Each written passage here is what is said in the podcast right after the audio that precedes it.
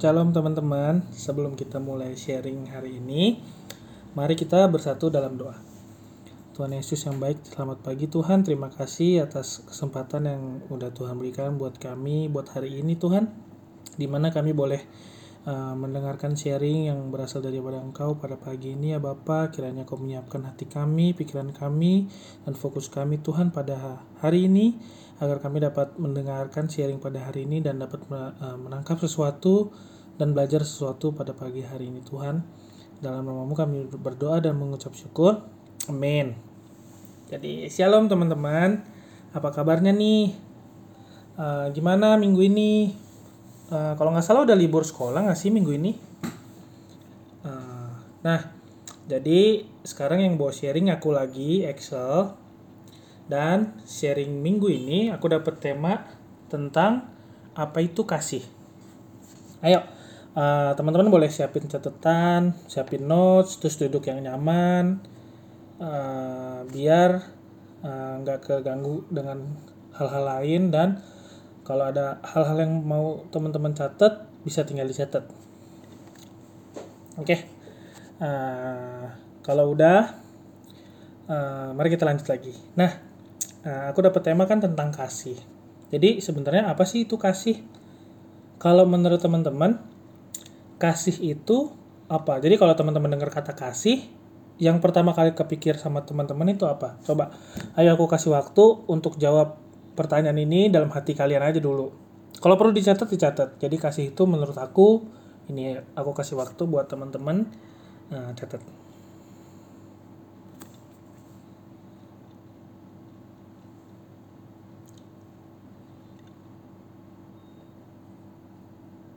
Nah, Udah? Oke, jadi kalau menurut teman-teman itu yang sesuai di catatan teman-teman. Ini aku mau kasih tahu uh, arti kasih dari KBBI atau Kamus Bahasa Indonesia. Kasih itu adalah sebuah perasaan sayang terhadap seseorang. Uh, perasaan itu bisa cinta atau suka, tapi hanya uh, perasaan aja yang kita rasain. Jadi hanya sekedar perasaan aja.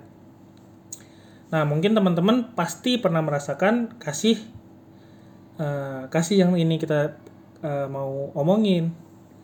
Kasih kepada sama misalnya, kasih kepada teman, kasih kepada orang tua.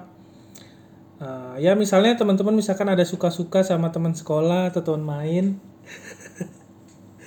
uh, cie bisa juga kasih terhadap sahabat sih jadi nggak harus uh, sesuatu yang cinta-cintaan kayak di uh, pacar-pacaran gitu enggak kasih sahabat ke teman ke orang tua ke guru ke kakak pembina teens itu semua kasih nah tapi kalau menurut firman Tuhan kasih memiliki arti yang lebih mendalam uh, dari sekedar perasaan doang jadi bukan hanya sekedar perasaan doang kalau menurut firman Tuhan Coba kita buka di 1 Yohanes 3 ayat 10.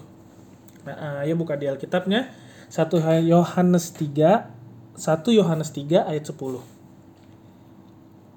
Nah, di sini aku bacain ya. Jadi 1 Yohanes 3 ayat 10. Inilah kasih itu. Bukan kita yang telah mengasihi Allah, tetapi Allah yang telah mengasihi kita dan yang telah mengutus anaknya sebagai pendamai bagi dosa-dosa kita. Jadi kasih menurut firman Tuhan adalah suatu tindakan nyata yang dimulainya itu dari Allah. Untuk menyatakan cintanya, cintanya Allah kepada manusia, kepada kita tanpa syarat apa pun. Jadi kasih menurut firman Tuhan itu kasih yang tidak memiliki syarat tertentu. Bahkan saking Tuhan mengasihi kita, dia rela mengorbankan anaknya yang tunggal untuk menebus kita, untuk menebus kamu dan saya. Nah, kasih yang terutama adalah kasih yang berasal dari Tuhan. Kenapa sih itu yang terutama? Karena dari sanalah kita bisa merasa dikasihi, sehingga kita juga bisa mengasihi orang lain yang ada di sekitar kita. Kita bisa mengasihi orang tua, kita bisa mengasihi teman-teman kita. Kalau kitanya aja nggak pernah nerima kasih dari Tuhan, kitanya nggak pernah merasakan kasih daripada Tuhan Nah, kalau kitanya nggak pernah ngerasain kayak gitu, bagaimana kita mau mengasihi yang lain. Kita aja nggak tahu perasaan gimana sih perasaan pada saat dikasihi. Jadi pertama-tama kita harus nerima dan merasakan kasih yang berasal dari Tuhan. Nah, lanjut lagi. Kasih itu ada beberapa jenis, teman-teman. Ada kasih agape, ada kasih pileo, ada kasih storge, dan ada kasih eros. Nah, itu sebenarnya bedanya apa sih? Jadi, malah kita bahas satu-satu ya. Jadi kalau kasih agape, kasih agape yang berarti mengasihi adalah sifat utama hmm, dari Tuhan. Karena uh, karena apa yang dilakukan bukan apa yang dirasakan. Mari uh, kita baca di Matius 5 ayat 44. Uh, di Matius 5 ayat 44. Aku bacain ya. Tetapi aku berkata kepadamu, kasihilah musuhmu dan berdoalah bagi mereka yang menganiaya kamu. Atau bisa dibilang, itu tadi, kasih agape itu adalah kasih tanpa syarat. Uh, contohnya nih ya, contoh kasih agape itu uh, kasih Tuhan kepada kita itu kasih agape kasih Tuhan kepada kita contohnya sebenarnya tadi udah aku jelasin sih di atas jadi uh,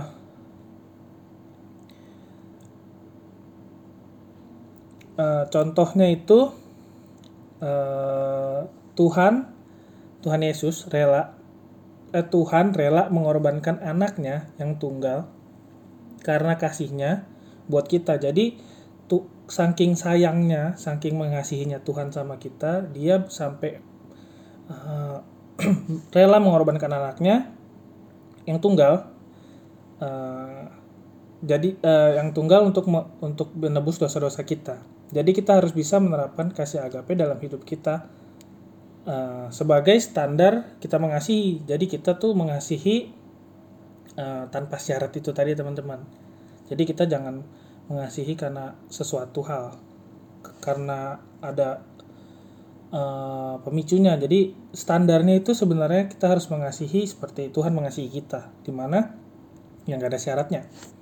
Lalu selanjutnya uh, kasih pileo yang berarti kasih persahabatan. Pada hal ini biasanya akan terdapat simbiosis mutualisme. Simbiosis simbiosis mutualisme itu yang saling menguntungkan itu teman-teman. Jadi dalam kasih pileo, pileo itu ada unsur saling menguntungkan. Namun kasih pileo ini dapat berhenti atau pudar seiring berjalannya waktu. Jadi bisa dibilang kasih pileo itu bukanlah kasih yang abadi. Contohnya kasih pileo itu ya kasih terhadap kita sama teman, kita sama sahabat-sahabat kita. Itu kasih yang uh, tidak abadi. Selanjutnya adalah kasih yang kasih storge yang berarti kasih antara anak, orang tua, dan saudara. Begitupun juga sebaliknya. Nah, sebelumnya kita mari buka di Roma 12 ayat 10. Roma 12 ayat 10. Nah, di sini aku bacain ya. Hendaklah kamu saling mengasihi sebagai saudara dan saling mendahului dalam memberi hormat. Jadi kasih ini terjalin dengan cukup khusus yang di mana berasal dari ikatan keluarga. Jadi kita semua pasti kita semua pasti merasakan kasih storge dalam keluarga kita. Contohnya kayak orang tua yang uh, selalu memberi kita nasihat, selalu ngasih tahu kita kalau kita melakukan sesuatu kesalahan. Nah pasti orang tua kita tuh menasihati kita. Nah itu kasih storge. Orang tua juga selalu mendukung kita melakukan kegiatan yang mau kita lakukan asal kegiatannya baik. Nah, itu adalah kasih storge.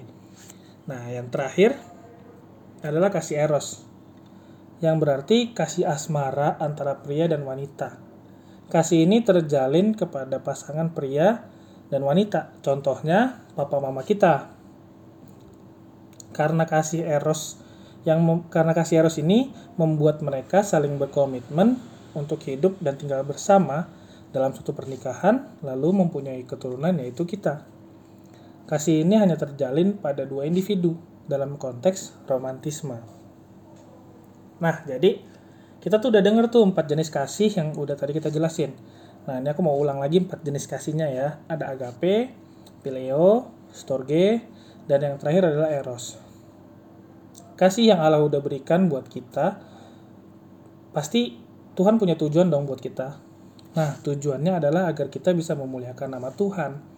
Sehingga kita harus menjadi berkat buat sekeliling kita dengan mempraktekkan kasih yang sudah kita dapat dari Tuhan tadi. Nah, kira-kira apa saja sih tindakan yang bisa kita lakukan sebagai bentuk kasih kita?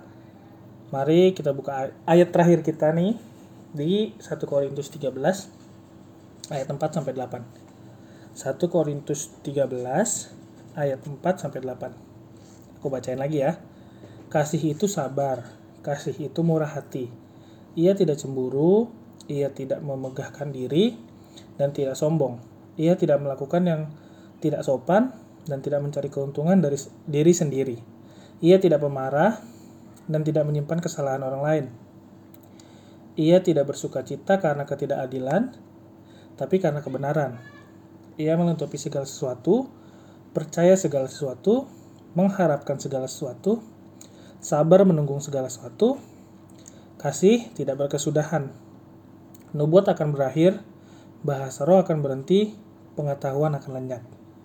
Nah, itu aja teman-teman sharing dari aku uh, buat minggu ini. Nah, sebelum kita tutup, aku ada mau kasih tugas nih buat teman-teman yang nantinya bisa teman-teman kirim ke personal chat atau ke grup uh, untuk kakak yang dikirim ke kakak-kakak Pepinda Teens. Tugasnya gampang banget.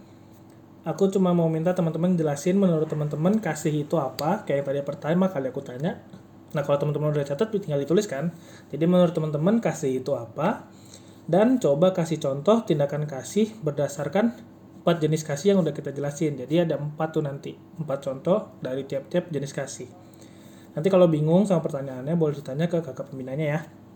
Oke, sebelum kita melanjutkan kegiatan kita masing-masing, mari kita tutup sharing pada hari ini. Eh, Tuhan Yesus, terima kasih Bapak atas sharing yang telah disampaikan pada pagi ini Tuhan. Uh, semoga sharing yang telah disampaikan uh, dapat memberikan rema bagi hidup kami, dapat kami lakukan, dapat kami resapi, dan juga bisa menjadi sesuatu yang membangun untuk kehidupan kami di kemudian hari ya Tuhan. Sebentar kami mau berpisah satu dengan yang lain ya Bapak dan melanjutkan kegiatan kami pada hari ini. Kiranya roh kudusmu yang memimpin, uh, sehingga apa pun yang kami lakukan pada hari ini, semuanya sesuai dengan kehendak engkau Tuhan dan menyenangkan hatimu. Uh, terima kasih Bapa, dalam namamu kami berdoa dan mengucap syukur. Amin.